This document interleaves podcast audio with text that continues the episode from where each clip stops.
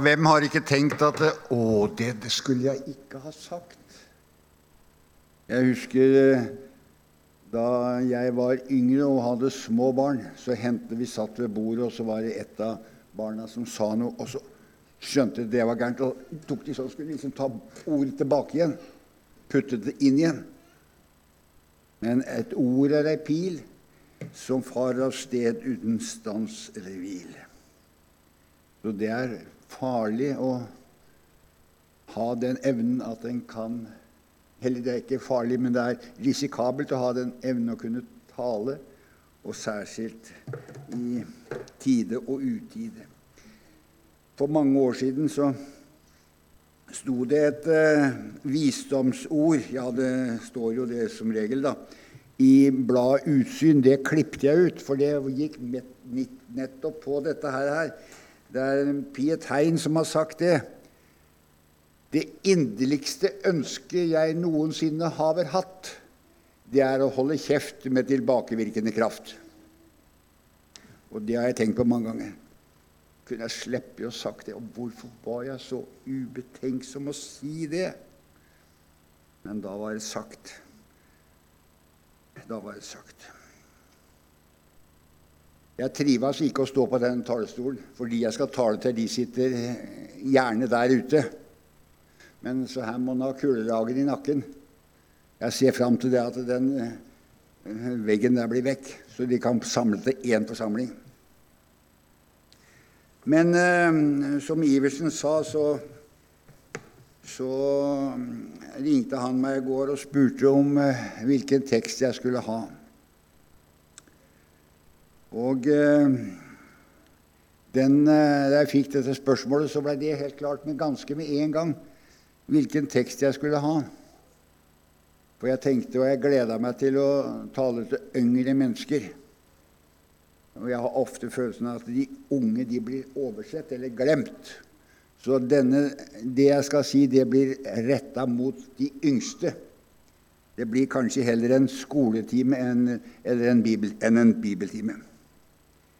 Men eh, før vi leser den teksten, så skal vi folde hendene og skal vi be om at Jesus måtte komme hit med sin Hellige Ånd. Kjære Jesus. Vi takker deg for det at vi kan få lov til å samles her på Fossnes denne søndag formiddag. Og så skal vi minnes det du gjorde for oss, og så skal vi glede oss over at vi lever og har ditt ord mellom oss. Så vil vi be deg for alle dem som ikke har det så godt som oss, og alle dem som ikke har hørt om deg og det du gjorde for dem. Vi ber om at du måtte det gjøre stille i vår tanke og i vårt hjerte, slik at ditt ord måtte kunne nå inn. Vi legger stunda i dine velsignede hender. Amen. Og den teksten jeg skal eh, lese for dere, den har dere sikkert hørt mange ganger. Men det er det gamle budskap, og så er det det at eh, vi skal fortelle det opp om og om igjen, og som til et lite barn. Det er fra Fjerde Mosebok, i det 21. kapitlet, og vi skal lese fra vers 4 fra vers 4.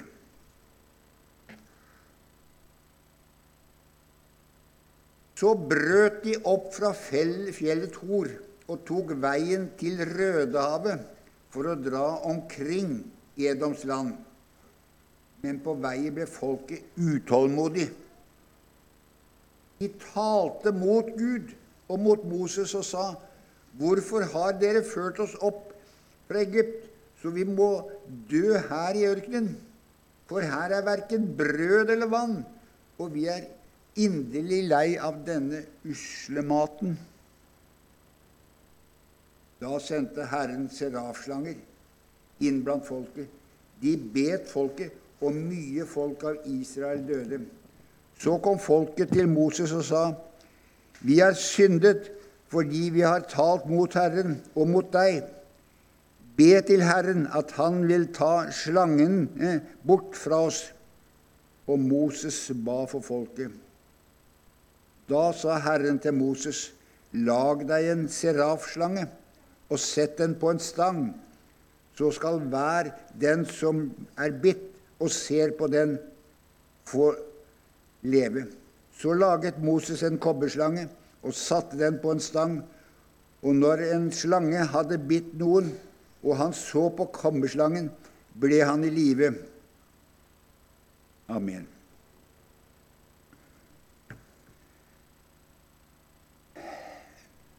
Som sagt, jeg ønsker primært å henvende meg til dere unge.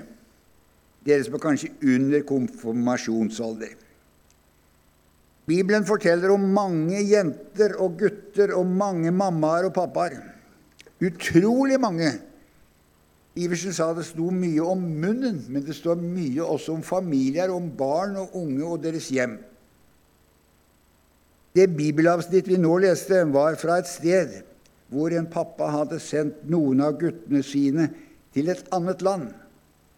For der var det, ikke, der var det mat, der de bodde. Der de, der de bodde, var ikke mat, men i det landet som han sendte de guttene sine, der var det mat. Pappaen het Jakob, og han hadde tolv gutter. Og vi vet navnet på ei jente. Kan noen si hva henne heter? Hun heter Dina. Er det noen her som heter Dina? Nei. Elleve av guttene de misunte han som het Josef, men han var ikke hjemme hos pappaen sin. De elleve brødrene hans hadde solgt han til noen som skulle til Egypt. Men i Egypt fikk Josef, som han hette, arbeid hos kongen. Der gjorde han så god jobb at kongen satte han til stadig større oppgaver. Jeg kan ikke fortelle alt det som skjedde der, men det kan du eller mamma eller pappa lese når du kommer hjem. Utrolig spennende. Senere kom Josef sine brødre til Egypt, for Josef hadde fått et kall fra Gud. Gud hadde ropa til ham og sagt at nå har du en fin jobb hos, hos, far, hos farav, hos kongen. Nå må du bygge kornlagre, store siloer med korn, for nå vil det komme en stor matmangel ikke bare over Kanans land, der dere bor, men over den hele verden. Men først skal det bli syv år med veldig gode avlinger. Og Josef gjorde som Gud sa, og berget sin far og sine brødre, ja, hele verden, fra en stor hungersnød.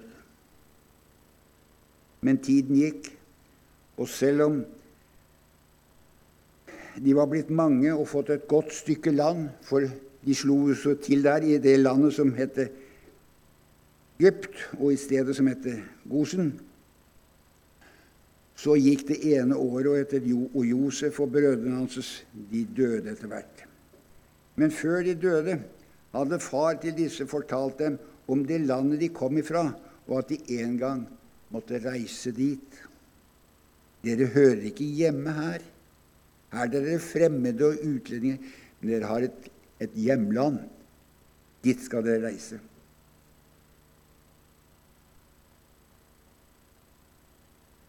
Men den nye kongen som kom etter han som Josef hadde vært hos, han glemte, eller han fikk ikke høre om Josef.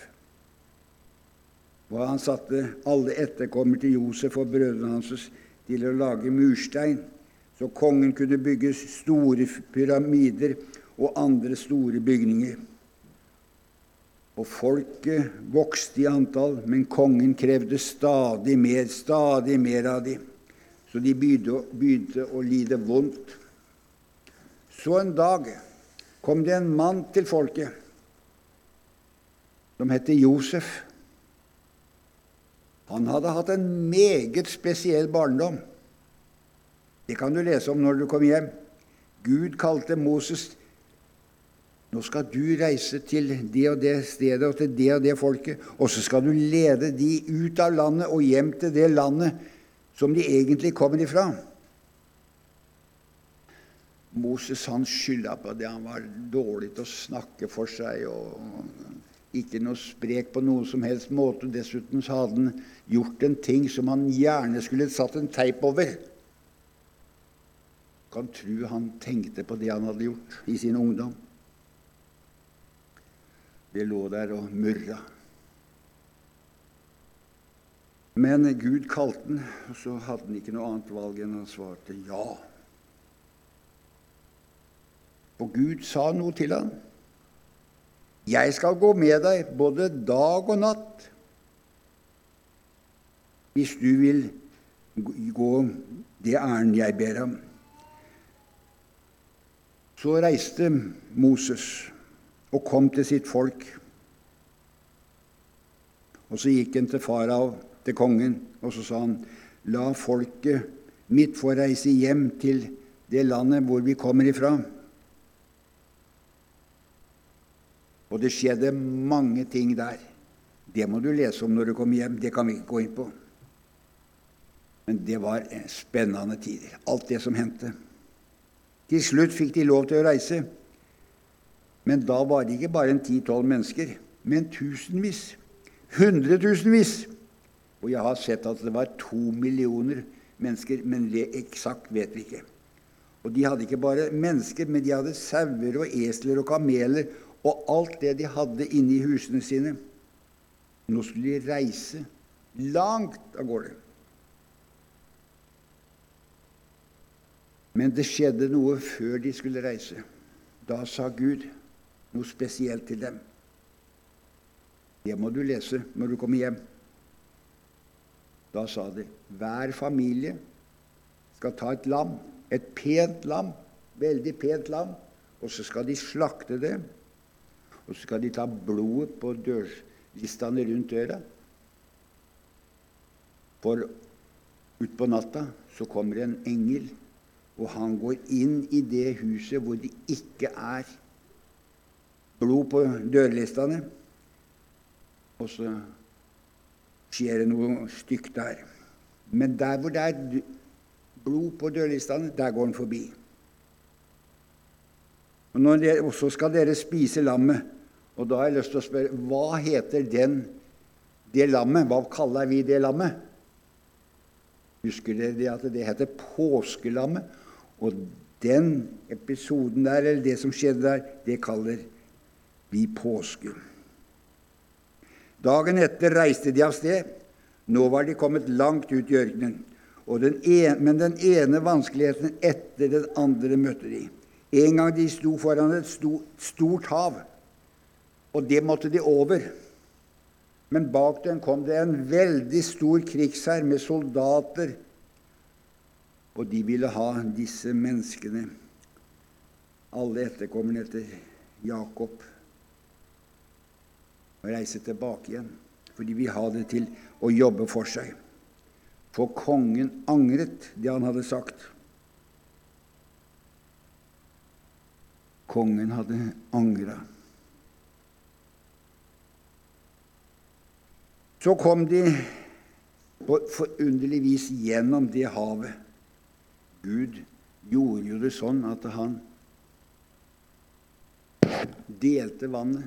Så vannet sto som en vegg på begge sider, og så ble det ei kjøregate midt imellom. Og der gikk alt folket imellom. Men når alt folket var imellom, så lokket havet seg igjen. Så kom de ut i ørkenen. Men hva kjente der? Der var det ikke vann. Maten de hadde med seg, var for lengst spist opp. Da ble de sinte på Moses og spurte hvorfor han hadde narret dem ut på denne reise. Skulle de virkelig sulte i hæl ute i ørkenen? Og Moses hadde vondt av folket. Han var, men han var fortvila og ropte til Gud. Hjelp meg! Det er ingen bønn Gud hører så nøye etter som den når et menneske roper i nød. Kjære Jesus, hjelp meg. Og Gud hørte på Moses sin bønn.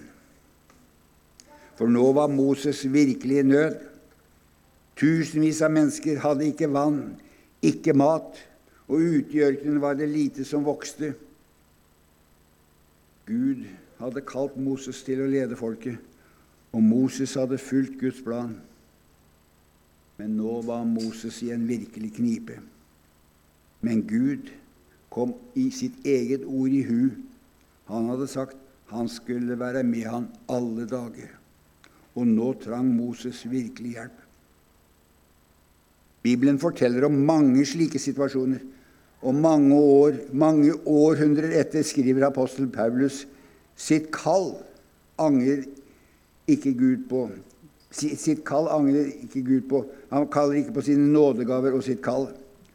Nei, han sier heller til meg, kall på meg på nødens dag. Og ikke minst til deg som er ung, sier Gud. Han som begynte den gode gjerning i deg, han vil fullføre den, selv om det går litt plundrete å begynne med. Når du snubler og faller, som vi sier. Har Gud, Gud har kalt deg, og han har omsorg for deg, og han har omtanke med deg. Og hans tanke og plan er at du skal nå målet, selv om du ikke lever som han ønsker, og kanskje heller ikke deg sjøl. Gud angrer ikke på at han kalte deg, men han har et brennende ønske at du skal komme til han når du har gjort det som er galt, eller føler at alle er imot deg, og det er tungt å være gutt, ung jente og ung gutt. Gud sier atter en gang i sitt ord at han står ved sitt ord og sitt løfte. Han svikter ikke. Han blir aldri trett av deg. Han gir deg ikke opp. Nå var Moses i nød, og fant ikke Gud en løsning. Så fryktet Moses at folket ville ta livet hans. Moses opplevde det som står i sangen. Døren fremad og døren tilbake, begge var hardt lukket til. Men det står også en setning til i den sangen, og den benyttet Moses seg av. Veien oppad var fri. Så han gikk til Gud med sine, sine vansker, og Gud hørte hans bønn. Folket hadde verken vann eller brød. Da gjorde Gud noe merkelig, noe forunderlig. For det de hadde bedt om, det var at de måtte ta slangene vekk. Krydde jo av disse serafslangene. Det står i leksikon at de kunne fly, men det var det at de klatra opp i trær, og så, og så seilte de på lufta.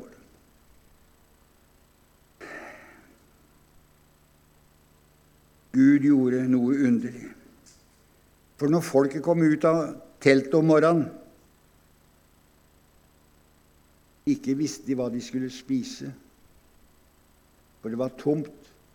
De hadde jo ikke kjøleskap, men de noe, der de hadde mat, var det ikke noe mat. Men da lå det noe hvitt på bakken som de samlet sammen, og det ble liksom brød. Og så kom det store flokker med fugler som fløy så lavt at folk kunne ta dem med hendene og så lage middagsmat av. Og eh, Jesus sier mange århundrer seinere men skulle ikke Gud hjelpe sine utvalgte til deres rett, de som roper til ham natt og dag? Er han sen når det, når det gjelder dem?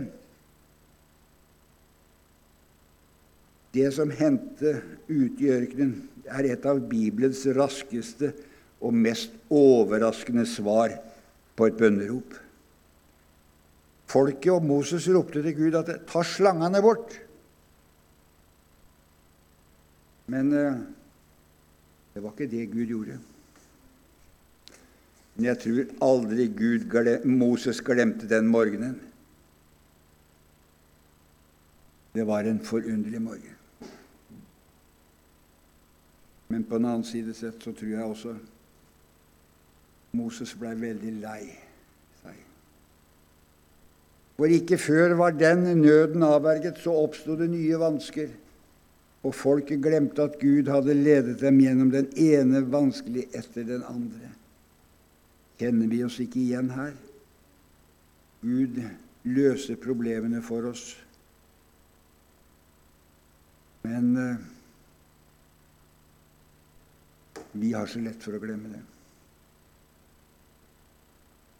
For har sikkert, Det har sikkert hendt for deg også at du har hatt vanskeligheter, så har du ropt til Jesus, 'Kjære Jesus, hjelp meg.' Det har jeg ofte gjort, men dessverre, jeg glemmer så fort å takke for alle vansker som han løser. Du husker sikkert beretningen om de ti spedalske som Jesus helbredet. Han gjorde de friske. Spedalskhet er en forferdelig sykdom. Men, og alle ble friske, men det var bare én som vendte tilbake til Jesus og takket. Da står det at da ble Jesus lei seg og spurte, 'Hvor er de andre ni?' Har du husket å takke for den hjelpen du fikk? En norsk dikter skrev en gang følgende I slikt et vær, da får du bønner, Gud. Ja, vi kjenner oss igjen noen hver. Og det er mange framtredende menn som har blitt spurt hva gjorde du da? Så må de si da ba jeg til Gud. Men har du takket? Og jeg må med skam erkjenne at jeg takker Gud sjelden. Glemmer det når været er over. Litt utafor teksten nå, men jeg husker godt den gangen. Vi hadde en liten buhund. Vi hadde den i 14-15 år. Når torneværet kom, og Lynet blinka og tordenen rulla. Så gikk soveromsdøra opp, og så kom Conny inn på soverommet og krøp under dyna og la seg under dyna sammen med meg. Og når det ble stilt, så hoppa hun ut og så tilbake igjen.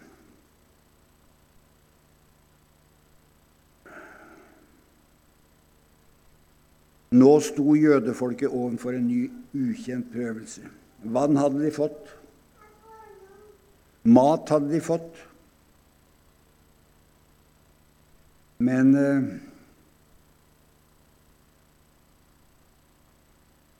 hvordan er det med deg og meg? Vi har begge deler. Likevel så hender det at vi klager over maten. Det er millioner av mennesker som ikke vet hva de skal spise i dag. Likevel så klager vi, men du gjør sikkert ikke det. Men da de klaget, så tror jeg Gud tenkte som så Nå har de gått over en grense. Nå klager de over maten også. Jeg vet ikke om jeg kan si at Gud ville statuere et eksempel på sin makt når folk klaget over maten. Gud tar ikke hevn. For Gud er ingen hevnens gud, men Gud hadde et ønske for dette folket, og det ønsket har han for deg. Han ville at alle skulle nå til Kanans land, til himmelens land, og han vil ha deg med til himmelen. Og skulle folket nå fram, måtte de stole på hans ledelse. Og skal du til himmelen, må du stole på han og den veien han har pekt ut. Men folket ville gå sine egne veier og løse oppgaven etter sitt eget hode. Gud har fra israelsfolkets vandring i ørkenen og fram til i dag satt folket på slike prøver. Alle prøver har hatt et sikte, og det står skrevet i Salme 50. Kall på meg på nødens dag, så vil jeg utfri deg, og du skal prise meg. Noen ganger sender Gud kraftige prøvelser, noen ganger korte trengselstider, men alle har den hensikt at folket skal kalle på Han, stole på Han, og Han svikter ikke sine. Men han kommer ikke bestandig med den løsningen du har tenkt. For meg er det klart at de store pandemier som har kommet over menneskeheten, fra svartedauden for flere hundre år siden til spanskesyken for 100 år siden, til pulmolittangrepene i 50-årene, til Asiasyken for et par tiår siden. og til den pandemien som har rammet menneskeheten de to siste årene.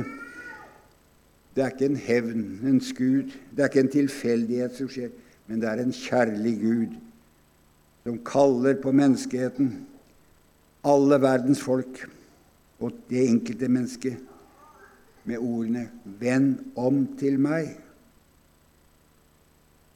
Jeg forundres over at ikke misjons- og kirkeledere verden over har ropt 'Vend om til Gud'. Gud kaller på deg, kaller deg til frelse, kaller deg til å nå til himmelen. Men de har alle som en vært tause og håpet på medisiner, satt sin tillit til medisinene. Men Gud har de ikke vent seg til. Folket som Moses ledet, innså at de hadde syndet mot Gud ved sine ord og sine gjerninger, og ba Moses om å be Gud om å ta bort slangene. Men Gud tok ikke bort serafslangene, som nærmest kom flygende gjennom luften. Og mange mennesker døde, leste vi. Selv da folket innså sin synd, fortsatte det å komme serafslanger. Nei, Gud hadde erfaring med hvor fort menneskene glemmer Guds undre. Og han tok ikke bort slangene. Nei, han gjorde noe ganske annet. Moses skulle lage en slange av kopper som ligna på en serafslange og henge den opp på en høy stang, så alle kunne se den. Og de som ble bitt, skulle se på den. Han ga det ikke en motgift i form av en sprøyte eller en matrett de skulle spise. Nei, han ga dem noe som var 100% virkningsfullt et blikk på kobberslangen. En merkelig løsning. Ser du hvor framtidsrettet og detaljert Gud tenker? Bare ved å se på slangen. Men du måtte rette hodet opp og så vri hodet som du så slangen. Så blei du frisk. Ikke øyeblikkelig, men du blei frisk. Du døde ikke. Alle de som ikke gjorde sånn, de døde. Noen hundre år før dette ble Adam og Eva fristet til å spise noe Gud hadde sagt at de ikke skulle prise. Da kom det en annen slange og narret dem med sin gift. Og denne giften, denne sykdommen, spredde seg til alle, og vi ble alle syke. Og med dette kom døden inn i verden. En forferdelig konsekvens. Da kan man i sannhet snakke om pandemi. Tenk om Adam og Eva hadde sagt nei. Jeg holder meg til Guds ord. I Bibelen står det et ord spesielt til unge mennesker. Min sønn, min datter, når syndere lokker deg, da samtykk ikke. Da skal du si nei når syndere lokker deg. Så går vi tilbake til menneskene i utgjørkenen. Det vrimlet med slanger, og mange ble bitt og døde, barn og unge og gamle. Da skjønte folket at nå var det noe Gud ville dem, og de ropte til Moses at han måtte rope til Gud at de måtte ta slangene vekk. Gud svarte med en helt annen måte. Lag en kopi av serafslangen, gjør den i kopper og heng den opp og alle dem som blir bitt, skal bli i live. Ser du parallellen med han som noen århundrer senere ble hengt opp på et kors? Mange håpet at han skulle fjernes. Det var det de fariseerne og skriftlærde håpet på da de ga Judas 30 sølvpenger. Skulle forråde han. Ble han på et kors hengt opp på et kors. Og så ble han til frelse og til liv for alle dem som så opp til han, som ser opp til Jesus på korset. Når Gud i de siste månedene har sendt koronavirus over hele verden, har det kun én hensikt. Gud roper 'Vend om til meg'. Han fjerner ikke viruset eller sier at du er unntatt fra å bli smittet. Men han, det var ingen i ørkenen som ble unntatt fra å bli bitt av slangen. Den beit da kom, han. Men alle dem som så opp til korset, så opp til slangen, de ble i live. Gud opphever ikke naturlovene. Trolig ble noen smittet både to og tre ganger i ørkenen. Han setter ikke sine naturlover til sider, men sa, se på kongeslangen. Jeg har en plan med deg. Du skal til himmelen. Gud har ikke unntatt noe menneske fra syndens gift eller det virus som kommer. Han har sagt, 'Kom til meg, kall på meg på nødens dag'. Han har ikke, sal, kall, han har ikke sagt, 'Kall på meg, så unngår du nødens dag'. Det er mange som uh, sier det sånn. Kall på meg, så unngår du nødens dag. Nei, det står ikke i Skriften. Der står det 'kall på meg på nødens dag'. Så skal jeg utfri deg, og du skal prise meg. Gud har også en annen underlig ordning. Han lar det regne sørre, over rettferdige og urettferdige. Gud gjør ikke forskjell men han frelser kun dem fra den evige fordømmelse som ser opp på korset, ser opp på kobberslangen.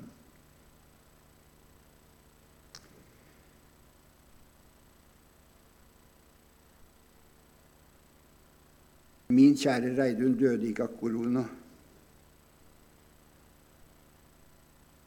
Men hun sa det slik at koronatiden var en velsignet tid ble en velsignet tid. Begrunnelsen var det at det da fikk alle barn og barnebarn komme og være hos henne. Så for henne blei det en velsignet tid. Guds tanke med koronaepidemien var at det skulle bli en velsignet tid for flere. En tid med dager og netter hvor syke som friske, helsepersonell som andre skulle tenke nøye igjennom.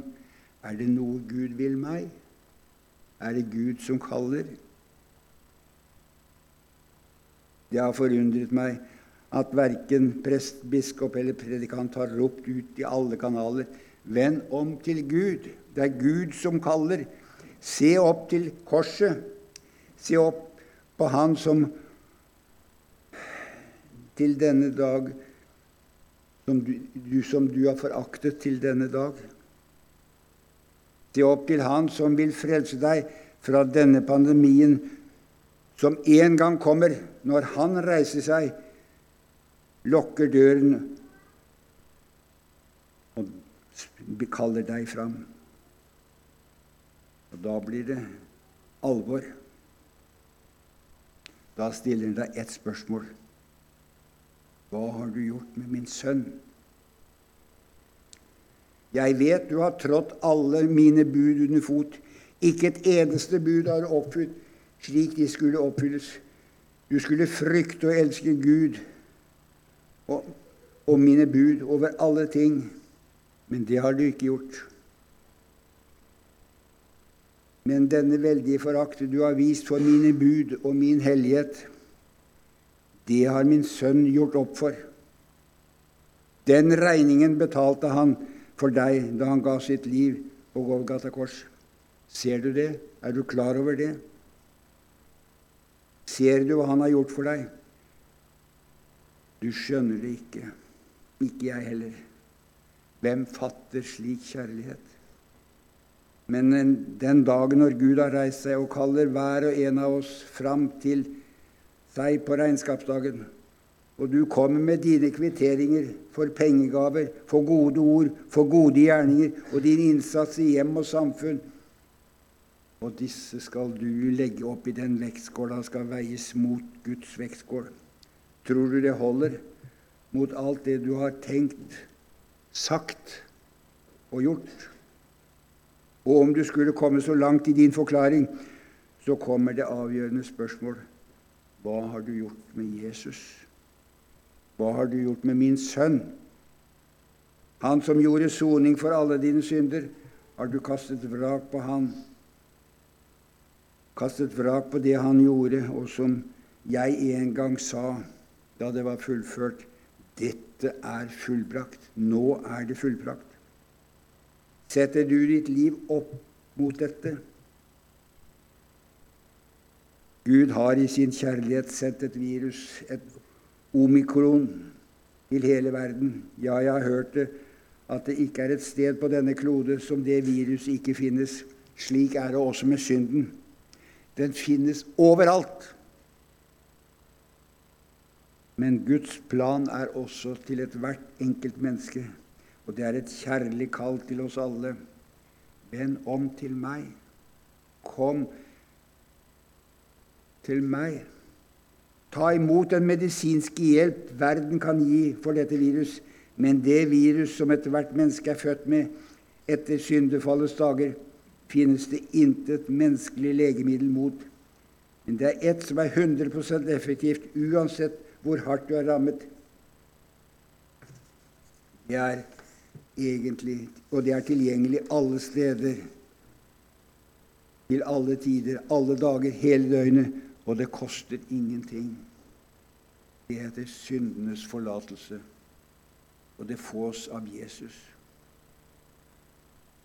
Det apoteket er aldri stengt.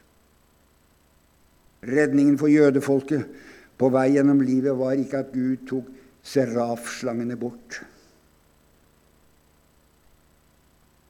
Men kobberslangen som ble hengt på en høy stang. Menneskehetens redning er ikke viten, legevitenskapen, som framskaffer en ny medisin som verner mot dette viruset og mange andre ting. Og det skal vi takke Gud for, at vi har disse. For mennesket er totalt ødelagt av synden. For med synden kom inn i verden, så kom døden. Men Gud har gitt oss legevitenskapen for at vi skal hjelpe oss gjennom livet. Det var ikke for ingenting at det var en av evangelistene som var leger. Men menneskehetens evige redning er at de ser opp til kommerslangen, til Han som hang på Golgata kors, og som heter Jesus. Til slutt vil jeg bekrefte det som er sagt med ord fra Guds munn til de mennesker som ser at det i seg selv er et virus som ingen lege eller sykehus kan bistå med. Hør hva det står i Jesajas 1,8.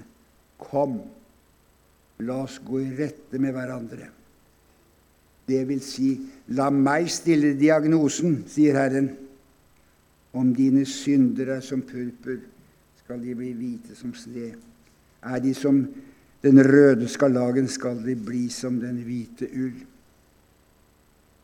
Og noe lenger bak i den store medisinske håndboka står det slik Ja, jeg, jeg er den som utsletter dine misgjerninger for min skyld. Og dine synder kommer jeg ikke i hu. Hva er da motivet og drivkraften bak et slik utsagn? Jo, det er kjærlighet. Ekte kjærlighet. For han, den store legen, vil at alle skal bli friske og komme hjem til han. Det er hans mål. Derfor er vi samla her i dag. Han vil, og han kan. Spørsmålet er vil du? Amen.